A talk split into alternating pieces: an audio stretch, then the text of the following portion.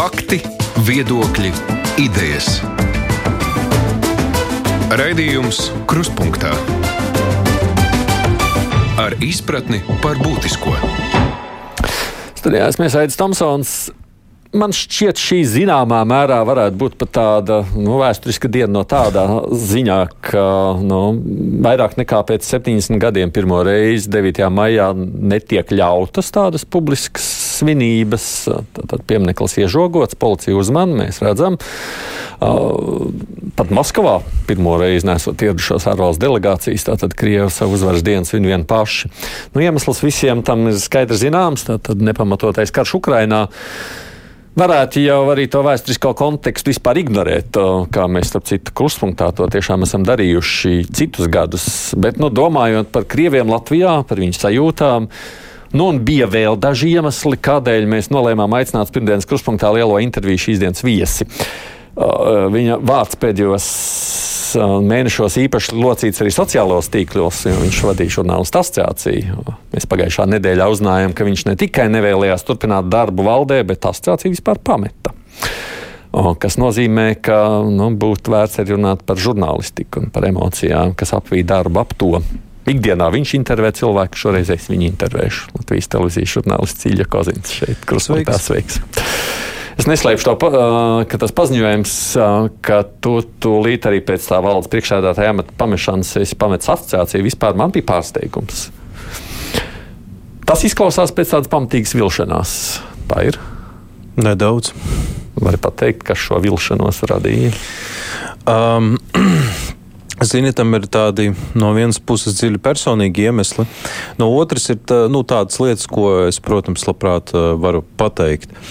Mm, man personīgi ļoti nepatika, ka lielākā daļa, man nav empirisku datu, viss, ko es tagad teikšu, ir pēc manām individuālajām sajūtām. Tāpēc man ir lūgums visiem skatītājiem, klausītājiem, varbūt neustvert katru manu teikumu kā absolūti patiesību, kā absolūti patiesību vai zinātniski mm -hmm. izmērītu. Stāstu tikai par savām sajūtām un uh, izsaku savu viedokli.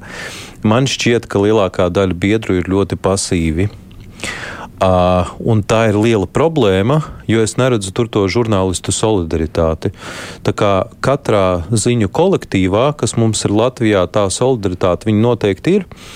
Uh, taču kad ir jādomā par kopējo labumu, ik pa laikam uh, tādos viļņos tā, tā solidaritāte uznāk, bet Nu, nav tā, ka tas, tas ziņu būtu katru dienu, vai uh, tur nemitīgi mēs, uh, ar mēs, es tagad domāju, bi, bijusī valde saņemta tur. Uh, um, ziņojumus no biedriem ļoti bieži par to, ka ir kaut kādas problēmas, ko vajag risināt. Tādi viennozīmīgi ir bijuši, jā, uh, lai arī kolēģi saprot, ka es tagad ne, nevienu negribu, kā saka, ne, nolikt, bet uh, tiešām tas varēja būt uh, aktīvāk.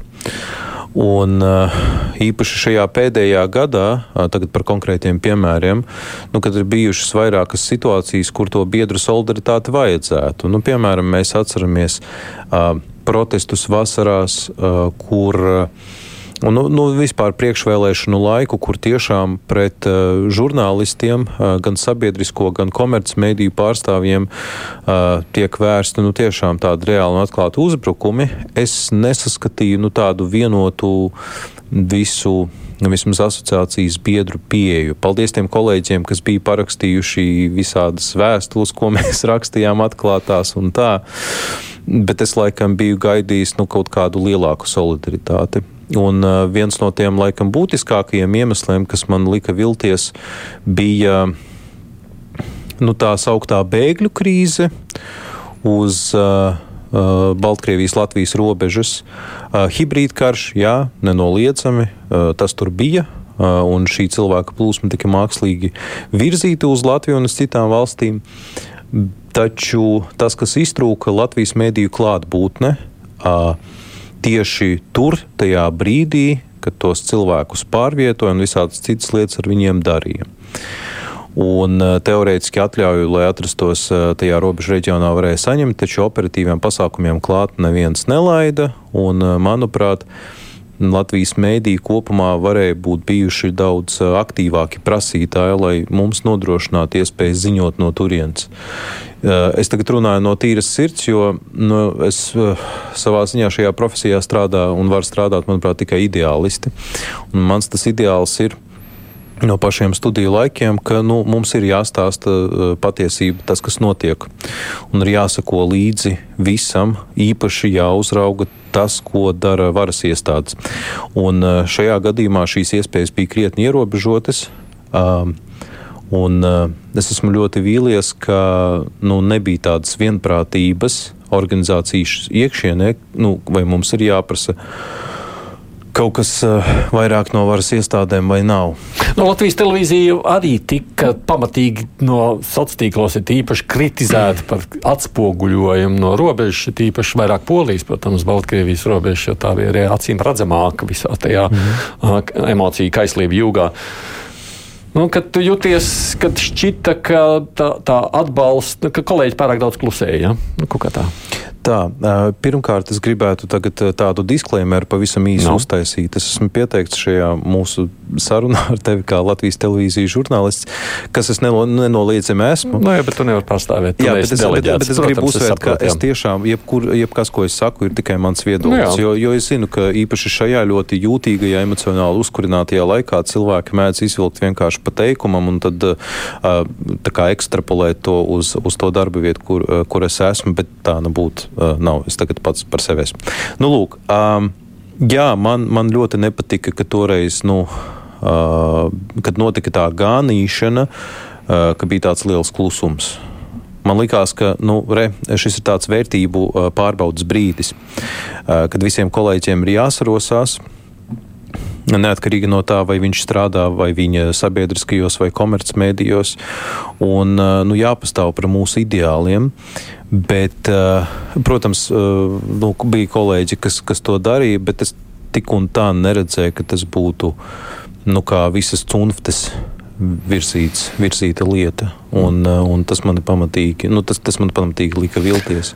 Bet iespējams jau, ka tā patiesība ir tāda, ka tie ideāli jau nesakrīt visiem. Nu, nē, mums nav vienādi ideāli. Jā, jā. Uh, Jā, iespējams, tas ir tas secinājums, kas bija jāizdara arī man uh, šajā procesā. Es, es vēl neesmu līdz tam nonācis, kā saka, iespējams, pēc laika es, es, es saņemšos un sapratīšu. Uh, Um, un vispār, laikam, būt tādam kategoriskam dzīvē, uh, nu, ar to cilvēks ļoti bieži sev iešauj kājā.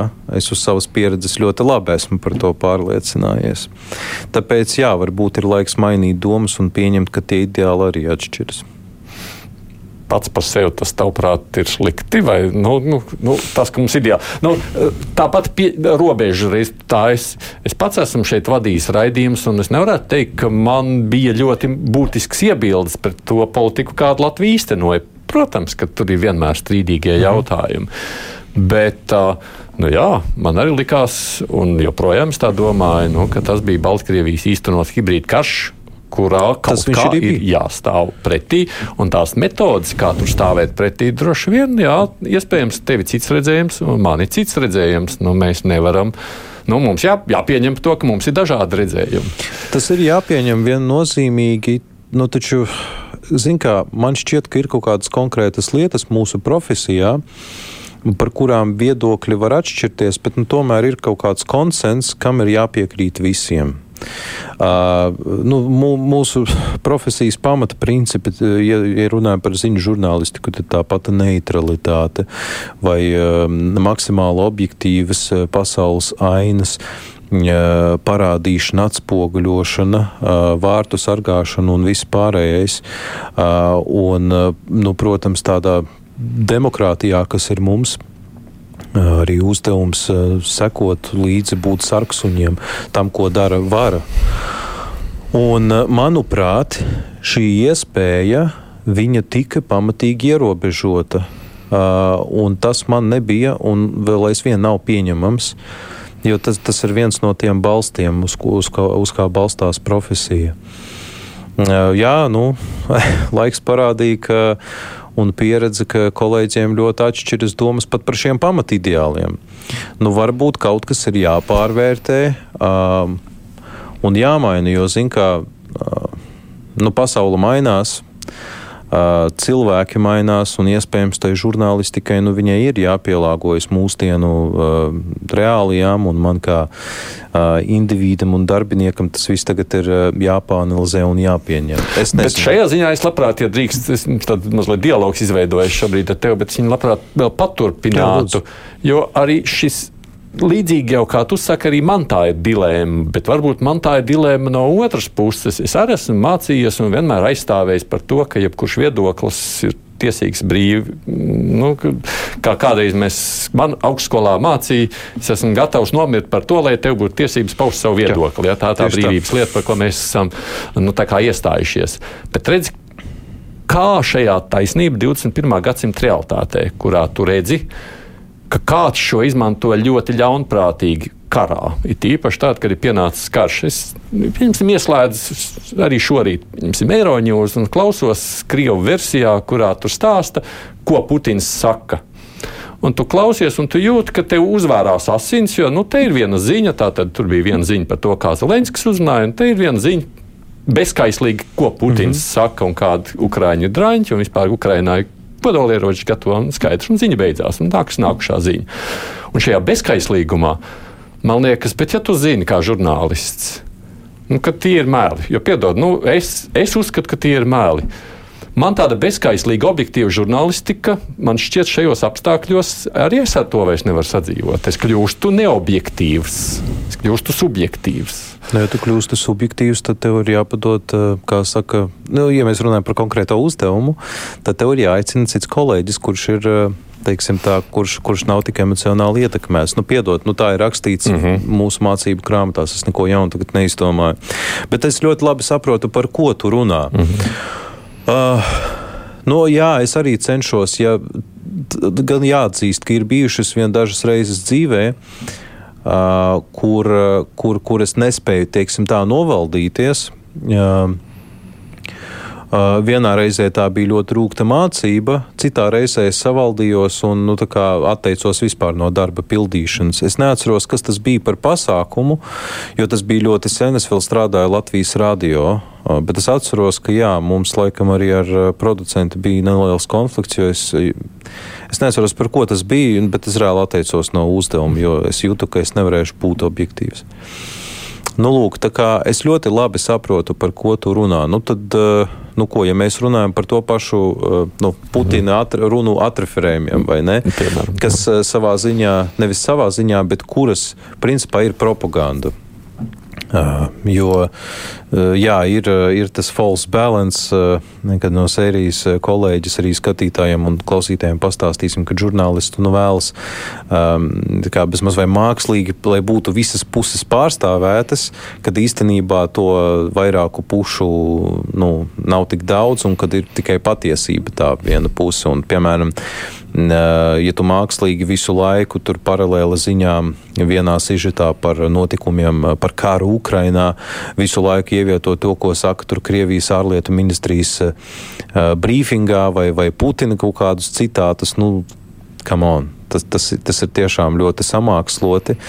Un uh, es uzskatu, ka nu, nav ko katru reizi to propagandu lieki atreferēt un tā, tā kā tādā veidā reklamēt.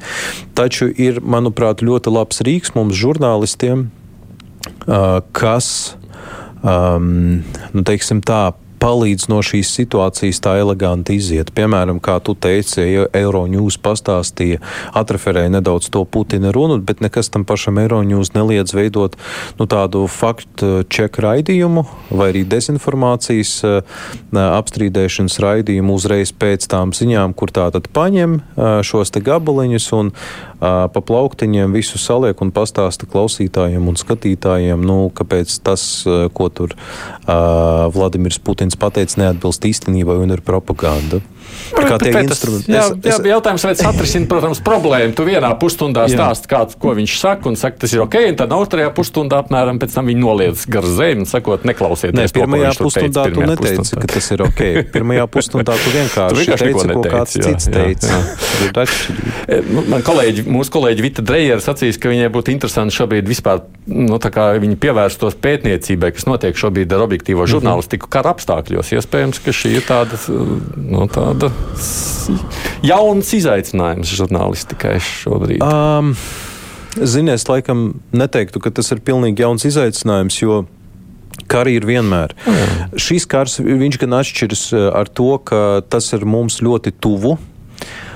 Tas mums ir emocionāli daudz tuvāk nekā kari, kas, piemēram, es atvainojos, bet tā vienkārši ir objektīva patiesība. Daudz tuvāk, tuvāks emocionāli nekā kari citos kontinentos, jo nu, mums ir daudz kā kopīga ar Ukrainu nu, vēsturiskā atmiņa, emocionāli. Un, un, un tāpēc, jā, varbūt mums šis ir izaicinājums tāds lielāks, taču, manuprāt, kolēģi tik un tā tiek ar to ļoti labi, ļoti objektīvi. Un, nu, es, es tagad domāju par saturu Latvijas medijos, par karu Ukrajinā, ir no visiem iespējamajiem leņķiem.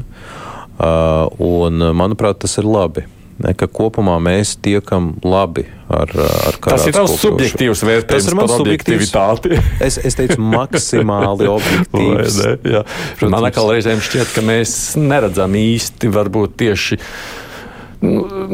Es saku, tajā pusē saprotot, cik ļoti man tracina Krievijas propaganda, ka es varbūt nere, ka es pārāk subjektīvi reizēm paskatos uz Ukrajinu un neredzu -hmm. arī to otru pusi, jo nav jau viss vienmēr tikai melnbalts. Reizēm tajā Ukrainas karā sanāk ļoti melnbalti, bet nav jau arī tur viss melnbalti. Nu. Zini, man, man vienmēr uz, uz šādiem jautājumiem ir grūti atbildēt un spriest, bet šeit, teiksim tā, šajā gadījumā, nu, redzot to, kas notiek Ukrainā, man, man kaut kā vieglāk ir morāli saorientēties. Jo, nu, redzot visas tās zvērības, ko Putina Krievija tagad dara, nu, tu saproti, ka tur Eh, es nezinu, kas notiek to cilvēku prātos, kas viņu atbalsta. Es domāju, Putinu. Ja? Un mēs zinām, ka tā ir ļoti liela, nezinām cik tieši liela, bet liela daļa Krievijas iedzīvotāju. Uh, tad, uh, mēs redzam visas tās ielu intervijas pie viņiem, kur cilvēki nu, kā, Eh, zini, svētā mierā pasaka, jā, ka tur ar tiem ukraiņiem tas un tas jāizdara. Nu, tas palīdz saorientēties, jo es saprotu, ka redzot tos cilvēkus, nu, man ar viņiem maz kā kopīgi ir. Bet atgriežoties pie, eh, teiksim tā, tava jautājuma iesākuma, Nu, es redzu arī par spīti visām šīm zvērībām, un par spīti tam, ka mēs zinām, ka Krievijas mēdī tie tagad ir propagandas mēdī, par spīti tam visam uh, mūsu Latvijas mēdīju saturā uh, ir teiksim, tā informācija, kas ļauj saprast tās propagandas vēstījumus. Ik pa laikam parādās. Nu, nevar taču tā, nu, tādā karā pavisam bloķēt un, un nerādīt nu, kaut kādus paziņojumus. Kaut vai tāpēc, ka mums ir jāsaprot, nu, kas, ir, kas ir šo cilvēku galvās. Un tas notiek, manuprāt. Par tavu subjektīvo, ja mums laiks ļaus, mēs vēl mazliet parunāsim, Jā, okay. ja man te vēl viens aspekts liktos interesanti, bet, nu, ņemot vērā, ka šodien ir 9. maijs, um, un viss, ko mēs dzirdam arī ziņās, arī šodien mazliet pie pieminekļa. Vispirms vispār par 9. māju. Kā tu sevi definē, kas tev šī diena ir? Šī diena man ir darba diena. vienkārši diena. Jā? jā, tā ir vienkārši diena. Es nekad neesmu piešķīris nu, kaut kādu īpašu nozīmi. Un, nu, jā, tam ir vairāk iemesli saistīti ar manu audzināšanu, manu ģimeni, no kurienes esmu nācis. Un tā. Ko tā kā... ģimene mācīja tev? Kas ir ko viņa tev? Kā? Nē, tā, nu, nē, nu nav tā, kā tu tagad varbūt iztēlojies, ka man tur teica, kurus svētkus eh, vai kurus eh, datumus, sāksim ar to, ka, kuri datumi ir svētki un kuri nu. nav, kas ir jāsvin, kuri ir tikai jāpiemina. ģimenes svinēja, tad tā jāprasa. 9. maijs nekad manā ģimenē nebija svētki. svētki jā. mm -hmm. Nekad. Viņiem visiem bija darba diena.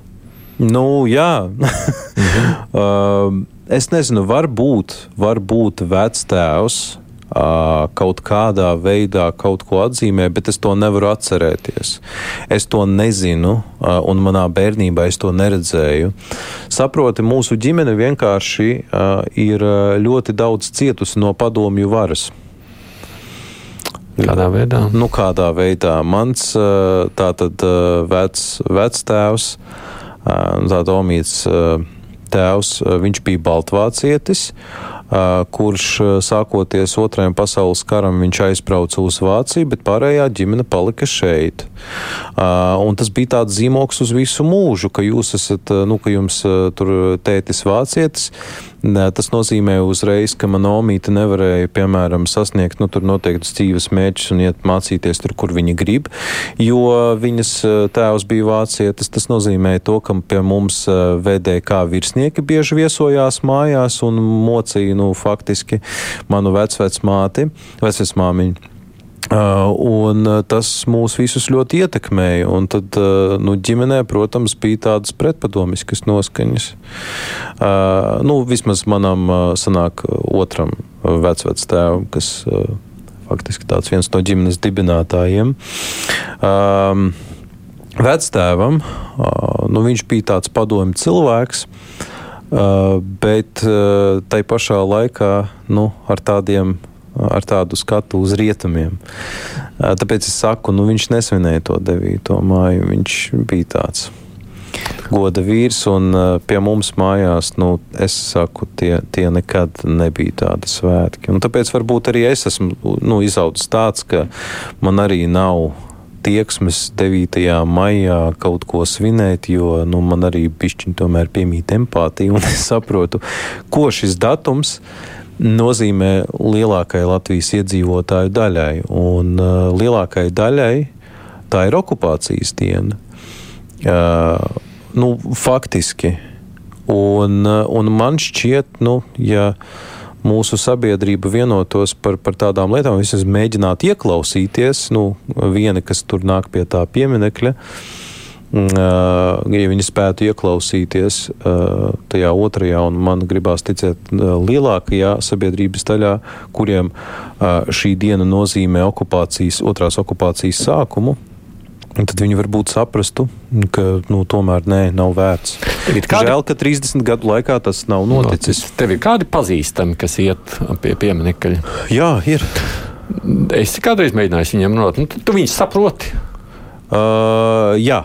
Es viņus saprotu. Viņi es, teiksim saprot? tā, teiksim tā, es saprotu, kāpēc viņi domā tā, kā viņi domā. Mm -hmm. Iemesls, kāpēc, nu, kā tavuprāt, nu, ko viņi domā par savukārt Latviju neatkarīgu un to, kāpēc mums ir tāda skeptiska nostāja par 9. māju. Latvijā. Nu, sadalīsim jautājumu divās daļās, jo būtībā šie ir divi jautājumi. Ko viņi domā par neatkarīgu Latviju? Nu, viņi ir priecīgi dzīvot neatkarīgā valstī. Viņi ir priecīgi, jā. jā, protams. Uh, nu, cik es varu teikt, eh, tie cilvēki no mana loka, kas eh, iet pie pieminiekļa vai gāja pie pieminiekļa, jo tagad es neesmu veicis aptauju, un man ir aizdoms, ka pēc 24. februāra ļoti daudzi cilvēki nu, vienkārši to nedarīs. Mhm. Uh, es tagad runāju par tiem nu, iepriekšējiem gadiem, jā, jā, kas bija, jā. jo mm. mūsu dzīve faktiski sadalījās pirms un pēc tā 24.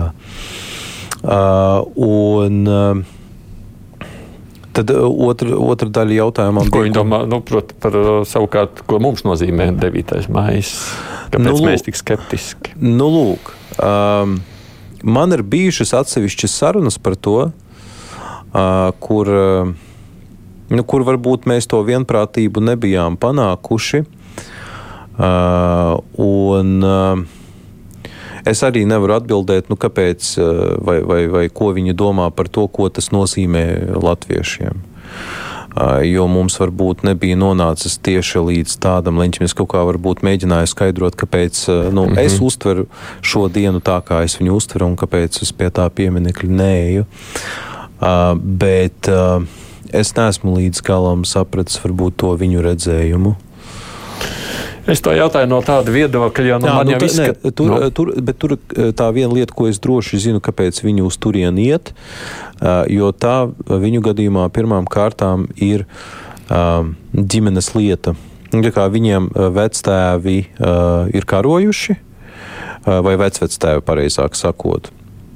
Un, tas, tas vienkārši kā tradīcija ir nodevusies cauri paudzēm, un viņiem drīzāk tā tiešām ir tāda atceres diena. neviens no tiem cilvēkiem, kurus es pieminēju manā lokā, kas ir gājuši pie pieminekļa, Nu, tur nebija tā, ka kāds no viņiem piedalītos tajā, ko iepriekšējos gados varēja saukt par svinēšanu ar visām tām teltīm, grādīgajiem dzērieniem vai kaut ko tādu vēl.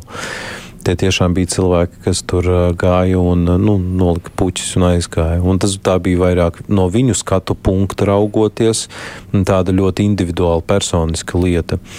Viņiem nu, kaut kā nu, nedomā tādās kategorijās, ko šis akts, kad viņi iet un noliek ziedus un ar to godina savu tuvinieku piemiņu, Mm, tas nesaslēdzās kopā ar to, ka tas nu, latviešiem, es domāju, etniskajiem latviešiem varētu, nevis varētu, bet nozīmē nu, kaut ko ļoti šausmīgu un tādu varbūt pat necieņu.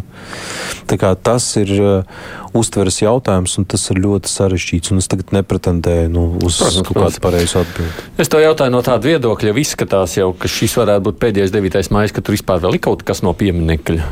Nu, ļoti iespējams tā tagad skatoties, kas notiek. Tā varētu būt. Vai šie cilvēki, nu, tad tas 9. maija viņiem varētu pārcelties uz kādu kapu apmeklējumu vai ko citu? Es nezinu, varētu būt. Varētu būt, jo uh, nu, tie kapi ir daudz. Jūrmalā, piemēram, ir vairākas vietas, kur ir apglabāti padomi karavīri, un kur es, uh, es atceros skolas laikā.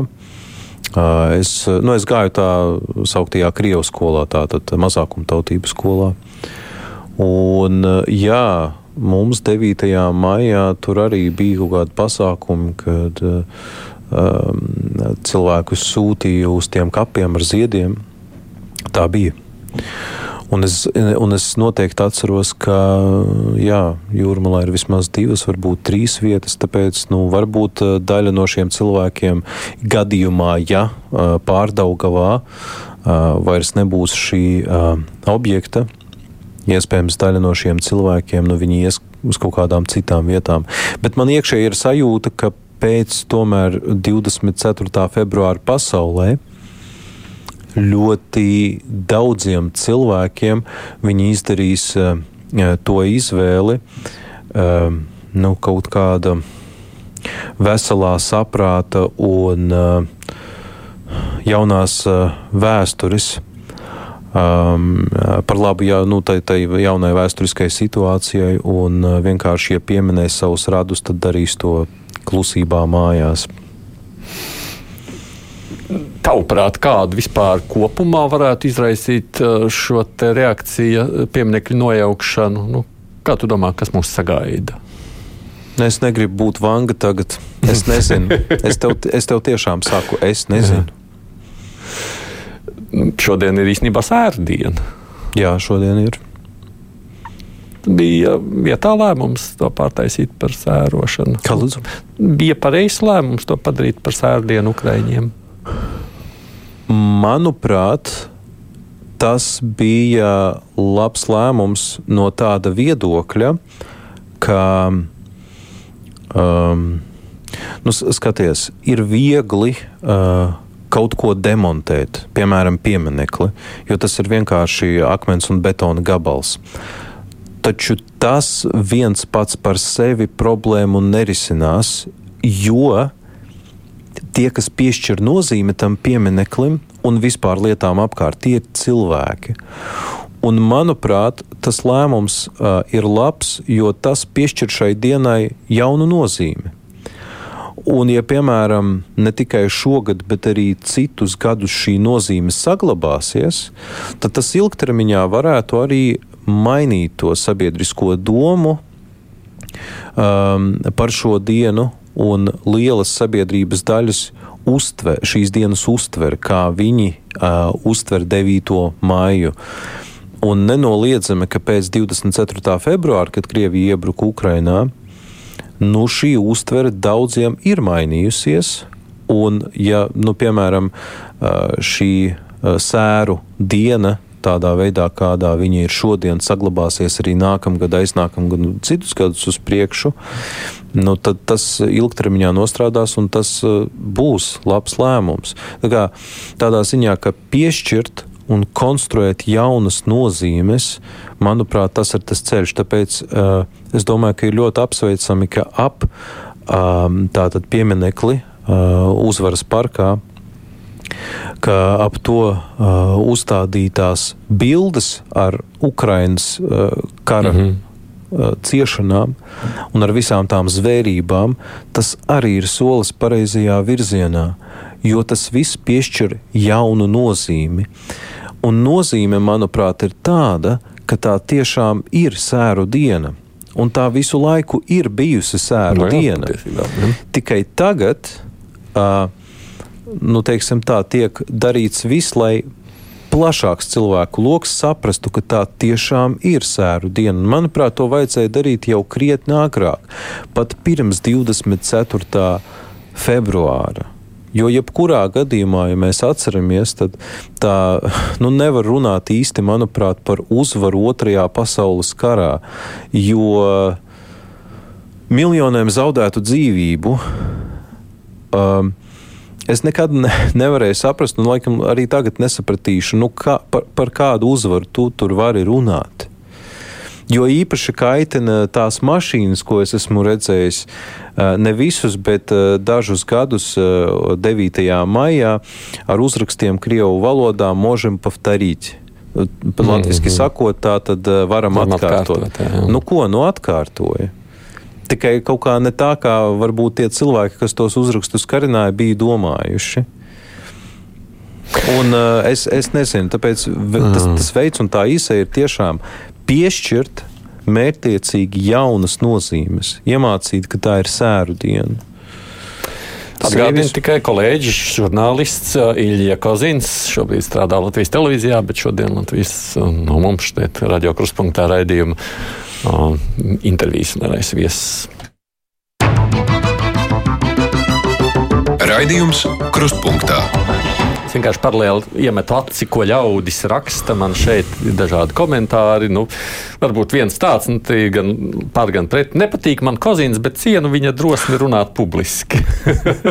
no, tā raksta arī tāds. tāds darbs. Uh, Pirms es tikai turpinu, reiz tāds subjektīvais tāds vērtējums. Tu esi kategorisks savos vispār, nu, tā tavuprāt, spriedumos vai viedokļos. Jo tu pieminēji vienkārši tādu vārdu kategorisks, tā kā mēs sākām interviju. Es esmu kategorisks, bet uh, nu, tā pakāpe ar gadiem ir stipri izmainījusies Aha. un mainās vēl aizvien. Uh, es esmu pamanījis, ka ar gadiem, uh, nu, iegūstot kādu jaunu dzīves pieredzi un zināšanas, es kļūstu mazāk kategorisks. Tad apstiprina to visiem sen zināmo patiesību, ka cilvēks uz vecumu kļūst. Jā. vairs netik kategorisks. Nē, es, es tieši Padomā, otrā... kurās reizēs paklusēt un kurās reizēs runāt. À, nu, tādā ziņā, jā. Uh, nu, es, es šausmīgi negribu šo vārdu tagad teikt, jo tas izklausās vienkārši pārāk, nu, zini, lepni un tam līdzīgi, lai gan, protams, nu, tā, nu, tā kā cilvēks, nu, kļūst viedāks. Mm -hmm. Es to nesaku par sevi, jo tas uz kāpēc mani neatiecas. Kāpēc, kāpēc ne? Nu, jo ir jāpaiet laiciņam, lai es varētu to uz sevi attiecināt, mm -hmm. un arī tad, nu, tas nebūs nebūtu īsti labs tonis. Bet, es zinu, vispār es esmu dzirdējis citas, citas parunas, ka lūk, ar vecumu cilvēki kļūst konservatīvāki un tā. Es nezinu, es ar es gadiem nezinu. varu teikt, ka es kļūstu atvērtāks, man tā šķiet. Jā, nē, par konservatīvismu es arī nevarētu teikt. Tur tajā ziņā es laikam uz sevi tādā aspektā nevarētu to visu. Bet tas, kas neapšaubām ir vērojams šajā laikā, nu, karš sāsina emocijas. Tas gan. Un tās vēstules, ko arī kruspunktā saņem, viņas kļūst kategoriskākas. Mm -hmm. Cilvēki kļūst ar vien mazāk spējīgi. Droši vien es to arī uz sevi varu attiecināt, kaut ko tolerēt. Nevēlties te pieminēja kaut kādas skatītos uz Eiroņūs un tam līdzīgi. Nu, te arī nu, kaut vai Reņģa rakstīto. Es arī kļūstu neiecietīgs pret tādu žurnālistu bezprincipiālu ļurināšanu. Tagad ir pozīcija laiks. Ideālisms izklausās viena tāda tukša muldēšana. Mums te karš, kā te raksta, pieņemsim, Ivo, žurnālistiem neitrāliem jābūt. Tas taču ir galīgi garām. Nu, proti, mēs. Nu, mēs no, es, Reinim ne, es Reinim nepiekrītu. Žurnālistiem tik un tā jābūt neitrāliem, jo tas ir mūsu profesijas pamatos. Es zinu, ka cilvēkiem ka cilvēki šajā laikā, īpaši kara laikā, tādā emociju uzkurinājumā prasa no žurnālistiem to viedokli. Bet es ļoti labi atceros brīžus, kad kāds mēdījis vai mēdī pauž pilsonisko pozīciju, Uh, uz kuru viņiem, protams, ir tiesības. Nu, tad atkal parādās citi cilvēki, kam tas nepatīk. Un ar šo es protams, gribu pateikt, ka uh, nu, tomēr plašsaziņas līdzekļu mērķis un pastāvēšanas jēga nav nu, pilnīgi izdabāt uh, sabiedrībai. Viņu pastāvēšanas jēga ir rūpēties, lai sabiedrība saņemtu pēc iespējas vispusīgāku, kvalitatīvu informāciju, kas vērtīgu informāciju, ar, ar faktiem pārbaudītu informāciju, kas palīdzētu veidot tiem cilvēkiem viedokļus par apkārtējo pasauli. Līdz ar to, jā, nu, protams, katrs žurnālists var paust savu pilsonisko pozīciju, bet viņam tas ir jādara tomēr. Nu, ja viņš ir ziņu žurnālists ārpus mm. ziņām. Un es zinu, ka es pats esmu ar to grēkojis. Uh, un, un es to apzinos. Un, uh, katrā ziņā vēl aizvien uzskatu, ka nu, ir jāstrādā pie sevis pilnveidošanas šajā laukā. Un, un tomēr neskatoties uz to, kādos laikos dzīvojam, lai cik tie būtu grūti, un tie ir ļoti grūti, ir jāsaglabā šīs profesijas pamatvērtības. Tāpēc uh, ieņemt. Uh, Nu, šeit, piemēram, kara gadījumā viss ir vairāk nekā skaidrs, jo, uh, zini, man, piemēram, ir ļoti viegli norientēties, jo šeit ir principā viena pareiza pozīcija, veselā saprāta pozīcija, kas, kas, kas pasaka ļoti skaidri, ka lūk, Krievija ir agresors, Ukraina Uh, ir uh, upuris, bet es negribu ar šo vārdu noniecināt to, ko Ukrāņi dara. Mm. Viņi ļoti varonīgi pretojās. Uh, tāpēc varbūt vārds upuris. Nu, Vai nē, tas ir subjektīvi uztvert, viss ir kārtībā ar to vārdu. Ok, mm -hmm. labi, ja tu tā saki, tad, tad, tad man būs mierīga sirds, vai ne? Tā kā šeit tiešām ir vieglāk norientēties, bet prasīt no žurnālistiem, lai viņi tagad uh, ieslēgtu emocijas uh, katrā savā darbā vai publiskajā komunikācijā, nu, manuprāt, tas nav īsti pareizi. Mm. Redzi, tajā atgriežoties vēl mazliet 9. māja kontekstā, Jā. savukārt nu, mēs būtībā tagad dzīvojam ar tādām divām sajūtām. Tā pirmā šķiet kļūst izteiktāka, sakot, nu, ko mēs tur auklējamies ar visiem tiem krieviem, kas tur mhm. stieptās puķes. Nu, lai tā viņi iet dillēs, mēs viņiem vairs nepievēršam nekādu uzmanību, vispār viņus visus ignorēt, izsūtīt, aizsūtīt āmenu. Nu, tad tas otrs, protams, viedoklis, kas ir gājis šajā gadu desmitos cauri tādā oficiālā līmenī, vismaz privilēģis sakot, nu, mums kaut kā jāpalīdz visiem mm -hmm. veidot kopīgi vienu sabiedrību. Lāga nav izdevies. Nu, šķiet, ka lāga nav izdevies skatoties uz visu, kas notiek 9. maijā tavuprāt, nu, ko vēl varētu darīt, jeb, nu, nu, kas būtu darāms tādā ziņā, lai nu, palīdzētu cilvēkiem nezinu, norientēties kaut vai krieviem šobrīd šī pašreizējā kara apstākļos? Zini, kā ir. Um, diezin vai var vēl izdarīt kaut ko uh, acu mirklī tagad, lai, es nezinu, gada vai dažu gadu laikā Latvijas sabiedrība pēkšņi kļūtu saliedēta. Tas nenotiks tik ātri. Bet ir lietas, ko gan var darīt, lai tāda Latvijas sabiedrība uh, būtu nākotnē. Un man šķiet, ka tas galvenais solis, kas gan ir jāizdara ļoti kvalitatīvi, ir nu, daudz runā par kopējo izglītības sistēmu.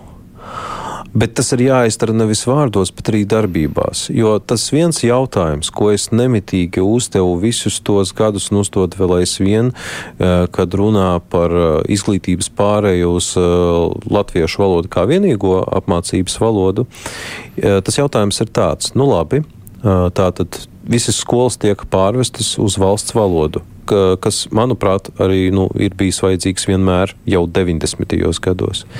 Taču problēma tagad ir tāda, vai, piemēram, nu, būs eh, visas skolas vienā valodā, vai uh, nu, nosacīti, teiksim, etniskie, krievu vecāki sūtīs savus bērnus uz latviešu skolām. Vai latviešu vecāki sūtīs savus bērnus uz tām skolām, kas pagātnē kaut kad ir apzīmogotas kā krievu skolas. Saprotu, uz ko es vēl, ka tur ir tā problēma, kas uh, beigās, uh, ja Vienalga, ja, divas kopienas, jā, apmēram, ja šai tā, reformai jā. pieiet tikai formāli, Mhm. -huh. proti uz papīra vai pat ne uz papīra, bet praktiski pārvest uz vienu valodu, tas nerisina vienu būtisku jautājumu, kas ir socializācija. Tiem bērniem ir jāsocializējas, viņiem ir uh, jāspēlējas, jārunā cits ar citu un īstenībā jau no bērnu dārza. Jo tā, tādā vidē, uzņemošā vidē, Uh, un bērni vispār apgūst valodu ļoti ātri.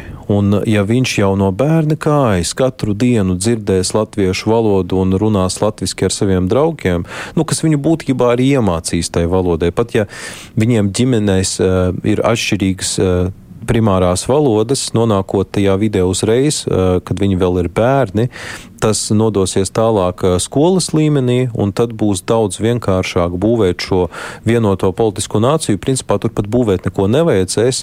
Tas nu, izaugs pats par sevi kā tāds kups un skaists zieds. Tāpēc izglītības sistēmai ir noteikti jābūt vienotai, un tam darbam bija jābūt jau īstenībā izdarītam 90. gados. Ja uzreiz pēc neatkarības atgūšanas ieviestu vienotu skolu visiem, tad uh, daudzas problēmas vienkārši automātiski atkristu. Protams, būtu vecāka gada gājuma cilvēki, kas droši vien paliktu ar tādiem uzskatiem, kas viņiem ir šodien. Bet, nu, uh, jā, realitāte ir tāda, ka vēl kaut kādas vairākas paudzes. Uh, bet tad es, es, es ļoti optimistiski raugos nākotnē. Es uzskatu, ka tā vienotā uh, saliedētā sabiedrība ir iespējams, un tā atbilde ir izglītība. Tas, tas arī viss neko citu, ko var darīt. Protams, te var runāt, nu, tos jautājums skanēja, kā mēs varam, ko mēs varam darīt, lai nu, saorientētu šos cilvēkus, kas, kas varbūt tagad ir apjukuši. Un es domāju, ka ļoti liela daļa ir īpaši tie, kas ir vecāku gadu gājumu un kuriem ir bijusi padomju savienības pieredze. No es tomēr esmu pārliecināts, ka tas mēdījis, sabiedriskais mēdījis, Krievu valodā televīzijas kanāls, viņš ir vajadzīgs. Es to ideju esmu aizstāvējis vienmēr, un es pateikšu, kāpēc. Jo skaidrs, ka jauniešiem valoda nav barjera, tā absolūti nav problēma. Taču mums vienkārši ir jāsaprot, ka ir kaut kādi cilvēki, es nezinu, cik viņu ir daudz, bet tie ir noteikti vecāka gada gājuma cilvēki, kas, diemžēl, man par to sāp sirds. Viņi neiemācīsies latviešu valodu. Uh, lai tie iemesli paliek uz viņu pašu sirdsapziņas. Uh, es nemeklēju tam attaisnojumu. Dievs pasargi, tam nav attaisnojumu. Bet vienkārši tā ir realitātes konstatācija. Un ņemot vērā šo rūkto apstākli, tik un tā ir jāatzīst, ka, nu, ja mēs neko nedarīsim, tad tie cilvēki tā arī paliks tajā Krievijas propagandas murgu sazombētajā telpā. Tagad gan viņi vairs netiek tik piekli pie tās klātvēršanas. Tagad netiek klāt, un tas īstenībā, nu, cik es esmu dzirdējis no tādiem privātiem stāstiem, tam ir arī pat pozitīvs efekts kaut kur. Nelaime ir tāda, nu, ka vēl aizvien internetā, pateicoties visādiem VPN-iem, tomēr tas propagandas saturs, nu, viņam var uh, tikt klāt. Uh, Sociālos tīklos tas ļoti, uh, kā saka, izplatās. Uh, Facebookā, uh, visādos kontaktos, klāsniki un tam līdzīgi. Uh, tāpēc šie cilvēki, viņi vēl aizvien ir pakļauti uh, tai dezinformācijai, kurai, kā izrādījās, ir šausmīgas sekas. Tāpēc tagad es uzskatu, ka tas ir valsts drošības jautājums, un šis valsts drošības jautājums tam bija jāatrod kaut kāda atbilde jau īstenībā 2014. gadā, kad Krievija Krimu okupēja. Jau toreiz uh, kaut kas bija nepieciešams. Um, nu, Ta, Nu, jā. ta, tas ir viss īstenībā, ko Nu, es varu pateikt. Latvijas sakaram. Latvijas raģio ir četri krievu valodā. Jā, tas ir, tas ir ļoti apsveicami, un man par to, protams, liels. Jā, Lepnums. skatoties, bet nu reiz reiz tu esi žurnālists un, protams, seko līdz notikumiem no nu, pašu Krieviju skatoties, un kas tur kaut kad varētu un kā mainīties. Nu, kādas ir tavas versijas? Nu, tu taču noteikti sēdi un kādreiz aizdomājies par to. Mm -hmm. nu, tā taču ir. Jā, protams, runāju arī nu, īpaši pēc uh, kara, līdz ar kara sākumu es arī intervēju cilvēkus, nu, lielākoties inteliģences pārstāvjus, žurnālistus, dažādus ekspertus no turienes, daži no kuriem vēl aizvien strādā Krievijā. Uh, nu, man nav lielu ilūziju, ka tur varētu uh, pārskatāmā nākotnē kaut kas mainīties. Jo ir jāsaprot, ka Putins uh, nu, līdz ar viņa gāšanu tur vēl paliek sazombēti cilvēki ar kaut kādām impēriskām ambīcijām. Uh, un es nezinu, nu, tur tiešām vairākām paudzēm jāpaiet un vismaz jānobriest tai situācija tik tālu, kad parādīsies sabiedrībā kritiskā masa, kas būs gatava gāzt pastāvošo iekārtu. Jo pat labi, tur eh, tāda daļa, kas ir pret režīmu, viņi ir uh, iebiedēti, viņiem pilnīgi ģenētiskā līmenī ir uh, bailes. Mēs varbūt pat īsti to nevaram līdz galam saprast, kā tas ir. Nu, viņi ir pieredzināti, ka, ja tu iziesi laukumā, ne, pastāvēsi tur, tevi savāks autozakā, tajā policijas mašīnā, ne, es nezinu, piekaus, nedod Dievs vēl izvaros ar stekiem. Es atvainojos par ļoti nepatīkamu rupju izteiksmes veidu, bet nu, tā nu, tas tur notiek. Uh, un tāpēc, jā, tāpēc tur tā daļa, kas varbūt vēlas kaut ko mainīt, viņi, viņi ir vienkārši sastinguši. Um, tad ir, tad ir man nu, tomēr šķiet, ka ir liela daļa, kas tik tiešām atbalsta Putinu un uh, visas zvērības, ko tagad uh, armija dara, jo viņiem tās smadzenes ir skalotas nenormāli ilgi un daudz. Un tad vēl ir tā, tā trešā grupa, ka, kas, kas ir pieredzināti vispār nedomāt par politiku kuri ir pieredzināti neiesaistīties. Piemēram, mūsu demokrātiskajā valstī uh, pilsoniskā iesaiste uh, tas ir tāds tikums. Tā, tā ir tāda ļoti laba lieta. Uh, visi cilvēki, jaunieši tiek iedrošināti. Nu, politikā nē, politikā nē. Politikā nē, bet, nu, principā, cik es atceros, vēl pat skolas laikos pie mums tur nāca runāt gudri ļaudis. Nu, viņi saka, jūs esat savi laimes kalē, jums ir iespējas tur ejiet, mhm. vēlēt un tam līdzīgi. Ja? Politikā, jā, es tev piekrītu, bet, nu, principā ir uh, impulsi no nevalstiskā sektora ik pa laikam, kas tomēr cenšas no, nu, jā, jā, ieaudzināt šo lietu. Un citās demokrātiskās Eiropas Savienības valstīs tas tiešām ir izdevies. Krievijā notika pilnīgi pretējs process. Uh, visu padomju Savienības laiku, cik es varu spriest pēc vēsturiskiem avotiem, uh, tad uh, notika tiešām cilvēku mērķtiecīga tāda audzināšana tādā garā, ka nu, tu viens neko nevari mainīt. Mēs atceramies mm. kolektīvisma laiku, ja? bet, eh, bet īstenībā tas, ko padomju vara teica, ka tu kā indivīds, kā cilvēks, tu neesi nekas, tu nevari neko ietekmēt. Un, diemžēl eh, pēc padomju savienības sabrukums aptuveni tāda pati, tāds pats noskaņojums eh, bija saglabājies nu jau Krievijā ka, nu, ko tu vari izdarīt? Nu, labi, nu, tu izies ārā. Un, un cilvēki kaut kā nu, nav tikuši tam pāri.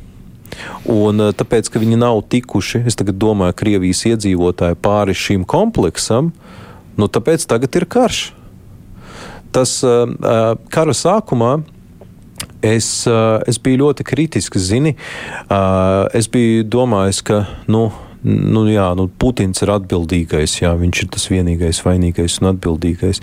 Bet kā parādījās ar laiku, nē, tur ir ļoti liela daļa cilvēku, kas šo karu atbalsta, vai nu kuri, būdami pilnīgi pasīvi, Viņi arī īstenībā netieši to atbalsta. Zini, tas ir tas uh, gadījums, kad klusēšana ir ļaunums. Un tāpēc man ir ļoti liels prieks, ka šodien uh, nu jau jā, Krievijas varas uh, ruporā lenta.ru atradās daži drosminieki, kas uh, šodien uh, ievietoja galvenajā lapus pusē vairākas ziņas ar virsrakstiem, kuri bija apmēram tādi, ka tur Tātad Kremļa saimnieks, tur Putins kļuvis par, pavisam paranoiķis. Jā, uh, jā tur uh, Krievija piedzīvo nenormāli lielus zaudējumus karā. Tas, tā, tas ir pilnīgi nožēlojami. Nu, speciāli bija tādi virsraksti. Pēc kāda laika tas viss tika nodzēsts, bet interneta arhīvā tas vēl aizvien ir palicis. Un, Krievijas nu, pēdējais, laikam, viens no pēdējiem neatkarīgajiem izdevumiem, Media Zone vai Media mm. Zona, kuru starp citu arī Krievijā viņiem pat nav vairs biroja. Viņi rakstīja, atsaucoties uz saviem pārbaudītiem avotiem. Tā, tā tiešām ir pārbaudīta informācija, ka kādi divi laikam darbinieki no šī lenta.ru iestājās pret varu, zinot, kas viņiem par to var draudēt, un tas ir cietums 15 gadi vai varbūt pat nāve izolatorā. Tomēr to dara. Un tas vieš tādu cerību, ka varbūt ne šodien, ne rīt, bet ar laiku nu, tā kritiskā masa nobriedīs, un tajā Krievijas sabiedrībā būs pārmaiņas. Tā ir tā cerība. Nolasīšu Madaras rakstīto paldies par sarunu ar Ilju. Man mainījās priekšstats par viņu. Es sekoju viņam Twitterī, biju pārliecināta, ka viņš ir īsts krievu lobētājs. Kaut kāda aizvainojuma jau ir, bet nav tik traki. Varbūt viņam nevajag lietot sociālos tīklus. Nu, man to cilvēki bieži saka, ka man varbūt vajadzētu atturēties no sociāliem tīkliem. Es pats esmu mēģinājis taisīt tā, tā kā digitālo detoksu. Nu, tas ar ar, ar ļoti mainīgām veiksmēm sanāk. Uh, Bet, nu jā, es, es ļoti bieži lasu cilvēkus apgalvojumu, ka es tur esot kaut kāds Kremlins, uh, es nezinu, Putina ideju, kaut kāds virzītājs, pakaļlaišu un tam līdzīgi. Uh, tas ir ļoti absurdi, jo pilnīgi jebkurš var veltīt um, nu, es nezinu, varbūt pat piecas minūtes apskatīties jebkuru veidoto materiālu, ko es nu, kaut kādā esmu veidojis par šīm tēmām, 9. mājas, Krievija, Putins, vai palasīt, eh, es nezinu, to pašu Twitteri, un viņi sapratīs pēc piecām minūtēm, ka nu, tur nekāds Kremlins īsti nav. Bet es kā tādi mazi izteikumi, ieraksti un tādi Twitteri, nu, jebko, ko tu pasaki īsi, kur tu, ne, nu, ka tev nav parasta saruna, tad tu nevari vienkārši jā, to tik viegli izskaidrot izskaidrot? Nu, vienkārši ir atsevišķi tēli, teiksim, tā, kam patīk no konteksta izgriezt eh, nelielus gabaliņus, piešķirt tam kaut kādu jaunu jēgu un nozīmi, mhm. atgriežoties pie mūsu sarunas sākuma. Un tad viņi to tiražē, kā viņiem pašiem eh, gribās. Taču tas neatbilst īstenībai. Lūk, arī tā. Man saka, mums jābeidz, tāpēc arī saku paldies Ilja Kozins, kolēģis, žurnālists, šobrīd darbojas Latvijas televīzijā. Nu, rīt mēs kruspunktā runāsim par to, kas mūs sagaida tuvākā gada laikā, kā krīze ietekmē uzņēmējus, darba ņēmējus, pakalpojumu sfēru vispār. Protams, kā mums nāksies sadzīvot ar šo krīzi, jo patiesībā jau gada nogala solās būt grūta. Un Mārēja studijā būs dažādi jomi eksperti. Šī nebūs politiska diskusija, šī būs tāda eksperta diskusija par to, kas varētu tālāk un kas būtu jādara. Bet uh, raidījuma producenti ir Ievijunā, un studijā savukārt sarunu vadījies Aidis Tomsons. Fakti, viedokļi idejas. Raidījums Kruspunkta ar izpratni par būtisko.